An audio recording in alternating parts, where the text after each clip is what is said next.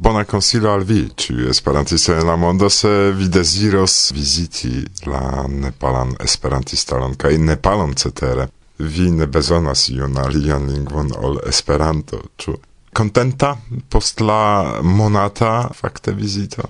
Davido, eh, la cefa celo de mia eh, vojaĝo estis eh, partopreni tiel matan speciala excurso de nepalai esperantistoj tra eh, Nepalo, organizita de NESPA, tio estas Nepala Esperanto Asocio, kaj fakto ĉefa organizanto estas konata en la Esperanto movado Barat Gimire, sed eh, mi ankaŭ havis okazon renkontiĝi kun multaj aliaj esperantistoj kaj la ekskurso kompreneble estis pagata eble mi ne malcasas iun secreton, che voyaggio tra Nepalo, circa voyaggio, costis sepsen quindec euroin, kai dom tiu dekto tako ni havis sen cese por nia dispono buson, tre bonan buson, ni logis en suffice bonai foiec elegantaj hoteloj, kai ni vizitis amaso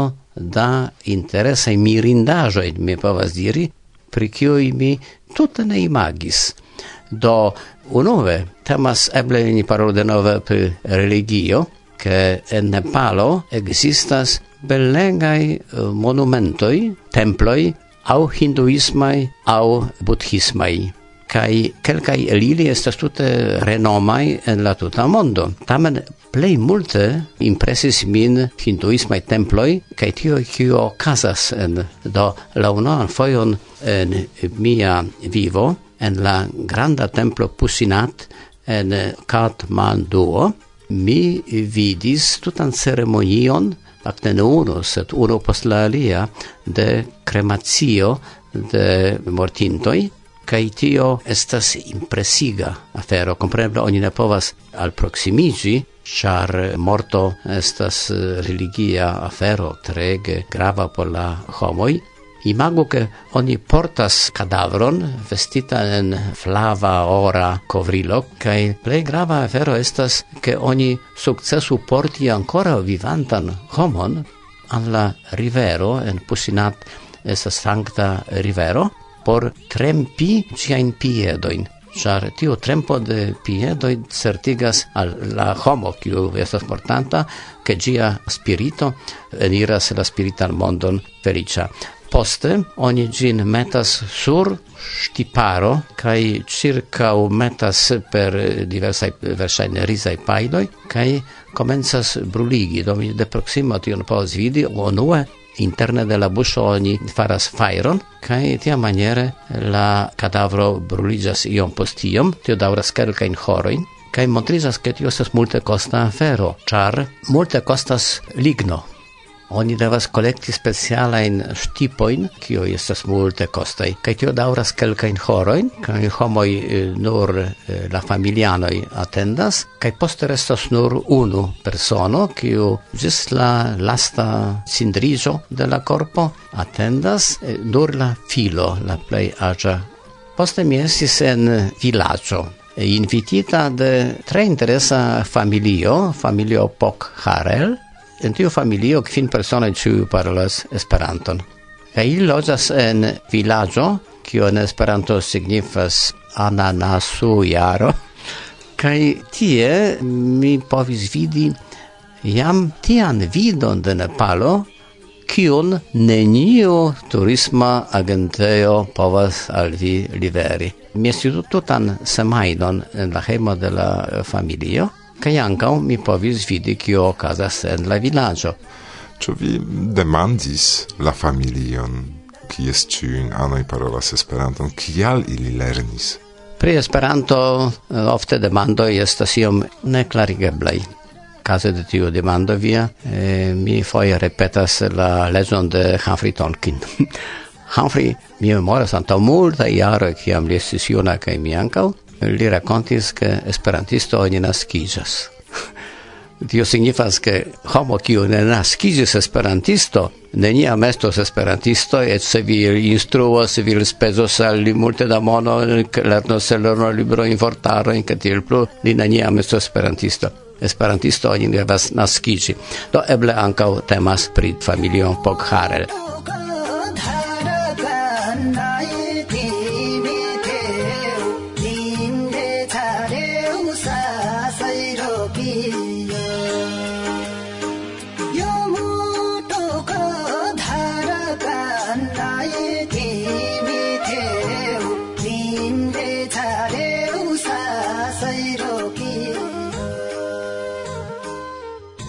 do observante tion familion, observante cio in alia in nepalain esperantistoi, mi subite, quasau per veturilo de tempo, mi revenis, mi retroiris eh, kelkdekonta jaroj, kiam mi estis mem iuna kaj mi pensis, che tio se tutta sama, kiam ni vivis tiel nomata comunista lando, malriĉa lando, che nia revo estis veturi exterlanden sed ni ne povis veturi exterlanden. Kaj in tiu situacio bedavrinde estas ankaŭ en Nepalo. Estis tio junaj homoj, kiuj revas poriri eksterlande, sed ili ne havas monon.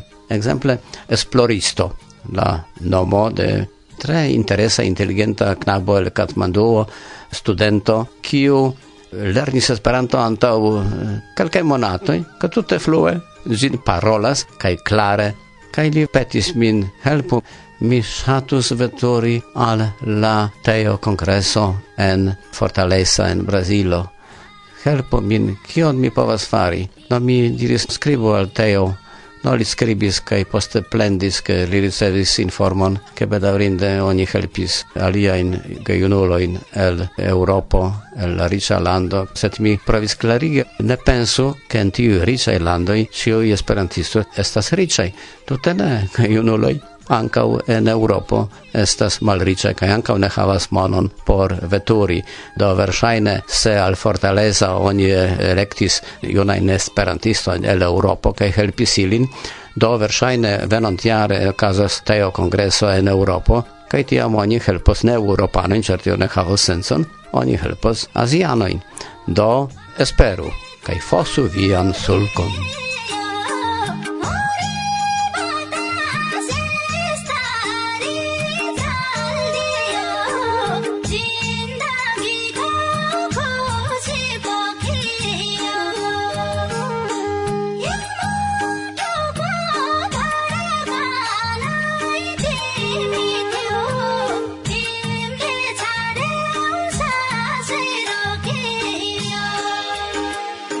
Do, fakte mi vidas, ke vi jam multe laboras pri filmo, kiu rakontas vian aventuron en Nepalo.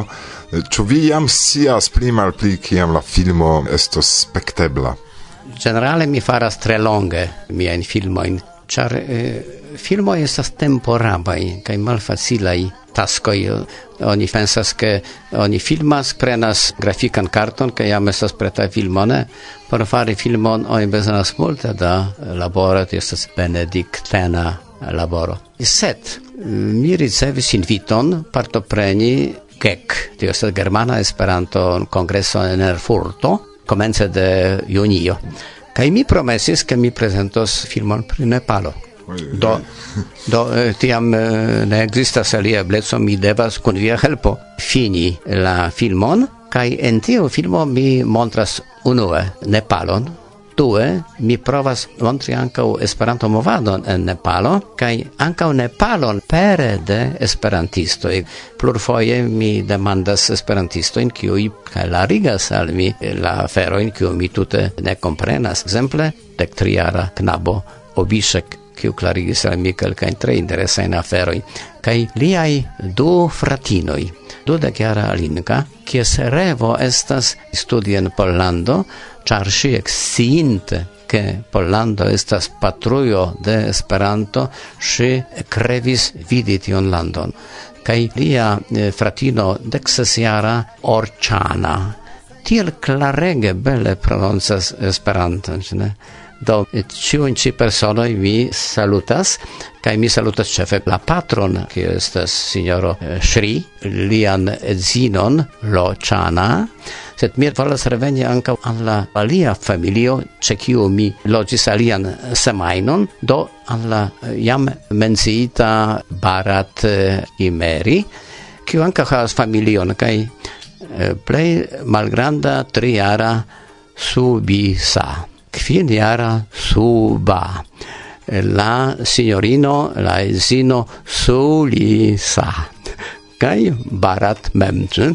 do ili tiel afable tiel charme acceptis min en sia logeo che tio ne neforgesebla. Kai am generale che tio kio impressis min fortege en Nepalo estas che la homoi cie ridetas ili ciu haltas por vesti fotitai kai ciam ridetas tio estas cetere problemo por filmisto ĉar alia afero kiam oni fotas kaj alia kiam filmas kiam la homo haltas antaŭ la kamero tio estas jam neuzebla do sed estis tiel charma, tiel gastama, kai cetere gast amo, la hinduisma religio, estas unu el la principai devoi de ciu homo. Vidu, kiel religioj povas plenumi pozitivan rolon.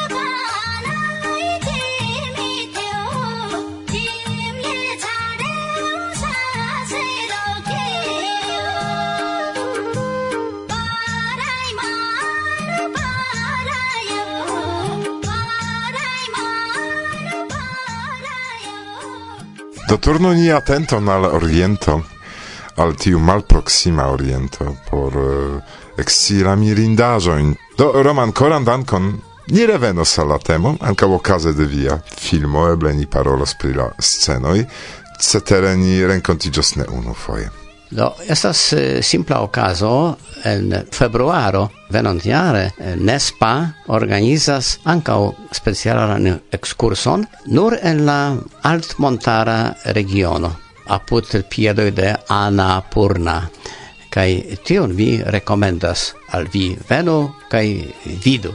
Kai tia maniere vi ancao helpos la movadon en eh, Nepalo.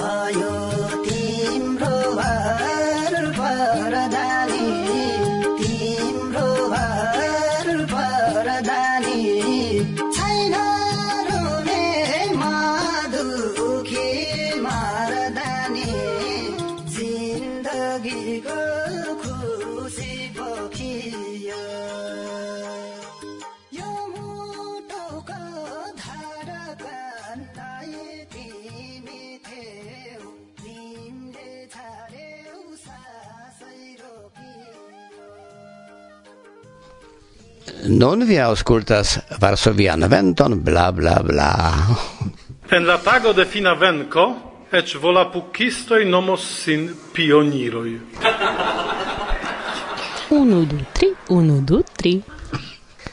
Mi ŝatas rakontojn pri vojaĝoj, speciale kiam rakontas ilin personoj, kiuj diversa diversajn averturojn Eh, ne temas pri ordinaraj rakantoj de kutima turisto, sed pri homo, kiu kapablas kompari diversajn kulturojn, rimarki kuriozaĵojn kaj klarigi al aŭskultanto profundajn radikojn de observitaj kulturaj kutimoj. A, ah, mi ŝatas diversajn diskutojn. Ne gravas temo de ili, sed kulturo de la diskutantoj kaj humuraj rimarkoj.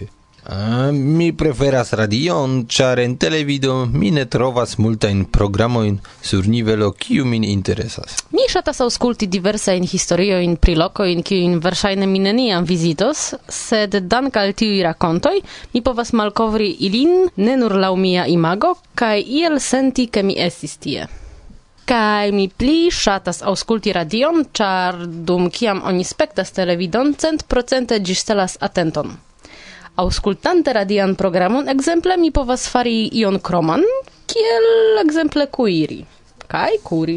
Do mi ĵetas novaĵojn pri muziko, pri eh, eldonitaj albumoj kaj eh, artistoj mem ankaŭ. Mi ŝatas interesaĵojn pri landoj kaj kulturoj, kiujn mi ŝatas.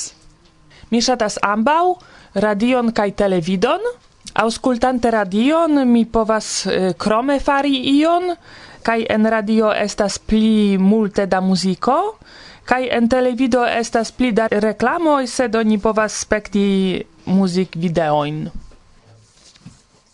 Varso via vento, la podcasto mia ci bona momento, Varsovia vento, La orgasmo radia mi ne havas tro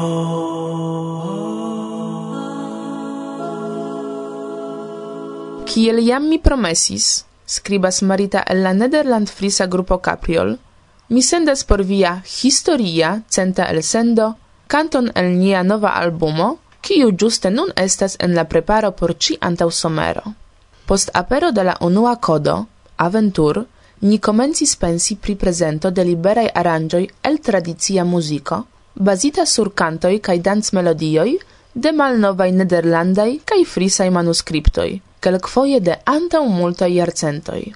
Cavalirico, char pro kunmeto de lirico, cae cavaliro, tiel nomigas la nova albumo, en havas enhavas ankaŭ memfaritajn musicajoin. Tia maniere la capriolanoi shatas fari ligiloin inter la estonteco cae la pasinteco. Sur la codo vi audos influoin de diversae music stiloi, kiel renesanca muziko, montmuziko, salso kai jazzo. Rimarkinda estas la forta, plurvoĉa cantado, kai uzado de ne ciutagai musiciloi. Concise, capriol usas la forton de la tradizio, sed ancao ŝatas fari musicain caprioloin. La canto, kiun speciale pro la ocaso de la centa elsendo mi desiras al vi presenti, estas traduco en Esperanton de canto el la nederland lingua nederlandlingva cant libro de la deksesa jarcento el 1544. Temas pri viro, kiu devas foriri, char li estas malakceptita de sia belega amatino. La melodio ni adaptis al la plurvocia cant stilo de la insulo Corsico. Pro tio vi audos multain disonancojn, sed ne timu. Finfine la lasta accordo estas belsona. Kai kvankam la canto nomigas Malgaje mi foriras, kai ni cantas gin sen muzikiloj, la okazo mem estas gaja, pro du via festo kai nia nova albumo. Play music amike, Marita. Kai mi deziras aldoni, se vi ŝatas muzikon de Capriol, ke la albumo jam estas antaŭmendebla kadre de la promes kampanjo de Vinil Cosmo, pri kio vi povas ekscii post electo de conforma ligilo en prescribo de la programo. Bla bla bla. Malgaje mi foriras.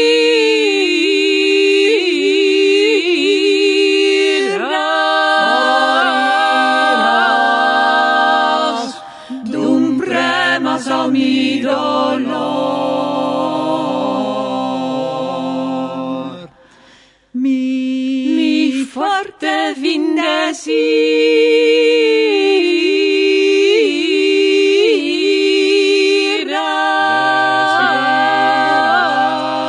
sed fluas espero for.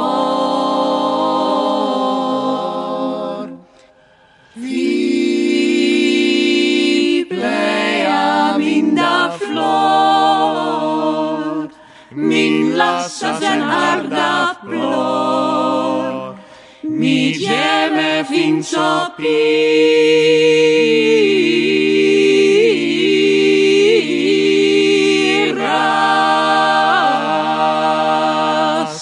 Vundite nun sangas cor,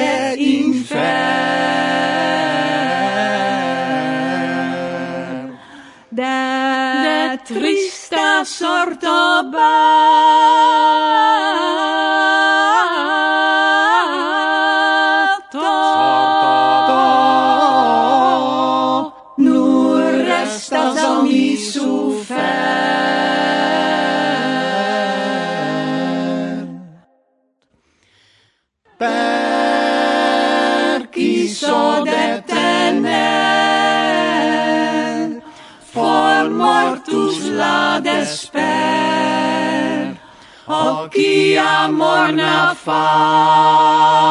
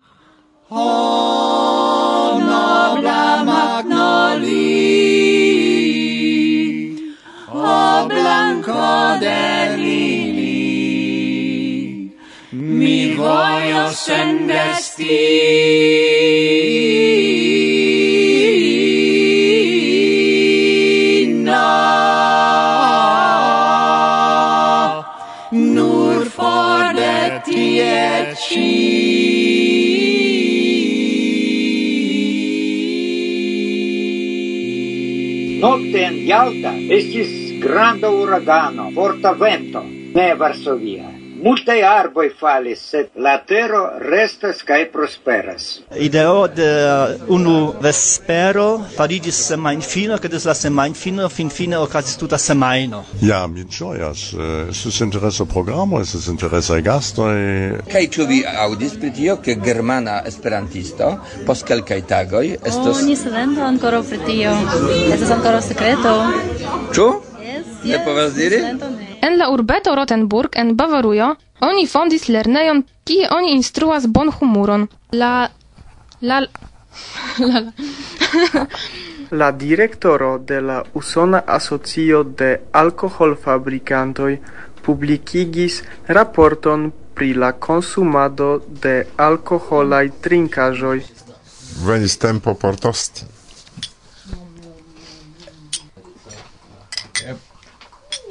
Eppa, eppa. Eh, eh. Je via sano. Miłosz, vi ne drinkas. Yes, sed sukon kun akvo mi rajtas. Ej no! Na leku kalikon do gorzka. Je via sano do. Je via. Je via, zaliczon. Feliĉon. Je nia sano gonia.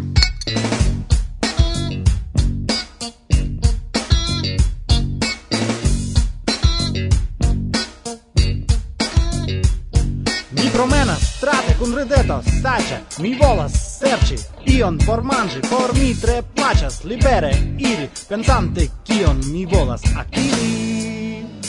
Novan veston, novan auton, kaj sen musoj domon granton, en la mondo vidi ĉion, kaj ricevi ringon brilon.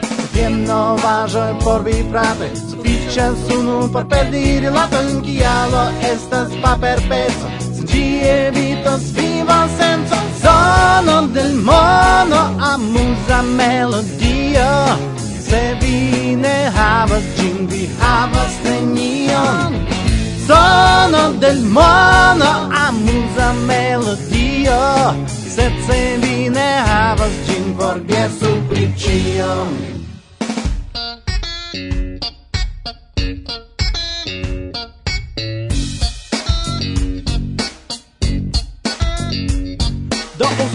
Homo, ĉu vi bone fartas tie? Ĉu vi intencas iomete a avie di la fluge del ebenajo, kai kun nova gitaro vojaĝi?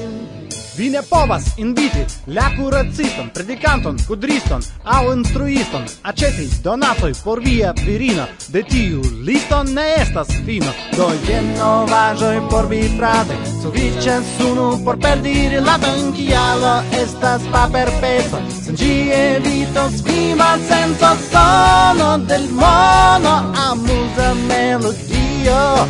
Sen vi ne havas ĝin, vi havas veniam Sonon del mono amuza melodio Sed se vi ne havas ĝin por gesu pri ĉio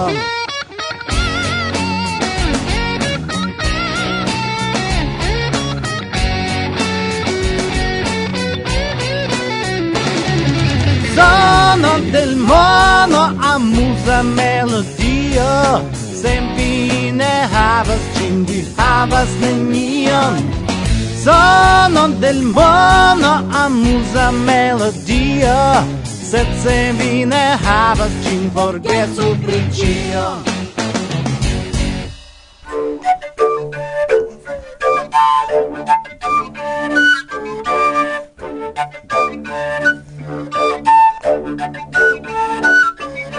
Varsovia vento. Bla bla bla. Saluton. Alla cara e amicoi de Varsovia Vento, mi core gratulas pro la jubileo de la centa il sendo. Estas granda atingo por vi, sed por ni estas plezuro, ausculti cae partopreni in gi. Mi profitas locazon por annonci bona innovagen. Unue pri la musica concurso de contacto, em que o ancora eblas alidica e concursi. Cae do alla musicistoi quies canto ofte estas en la el sendoi, mi invitas vin iri la reteo de contacto, rigardi la regularon cae partopreni. Due, pri supernova, que o jus comences provilude por la concerto que unifaros dum ioko cae uco tiare. Iesia, supernova concertos tiare do en la ioko en Brasilo cae en la uco en Argentino. Niro costie, vi havos pli novajoin eh, en nia retejo kaj en nia Facebook pagio kies ligilojn vi trovos en la prescribo de ĉi tiu elsendo. Fine mi lasas al vi canton, que mi faris por la mia exa portugallingva bando, Tia Mila, la canto nomidias todos os dias, en esperanto tio signifas tiu tag, do grandan bracumon, parolas Rogner Pavinski, bla bla bla.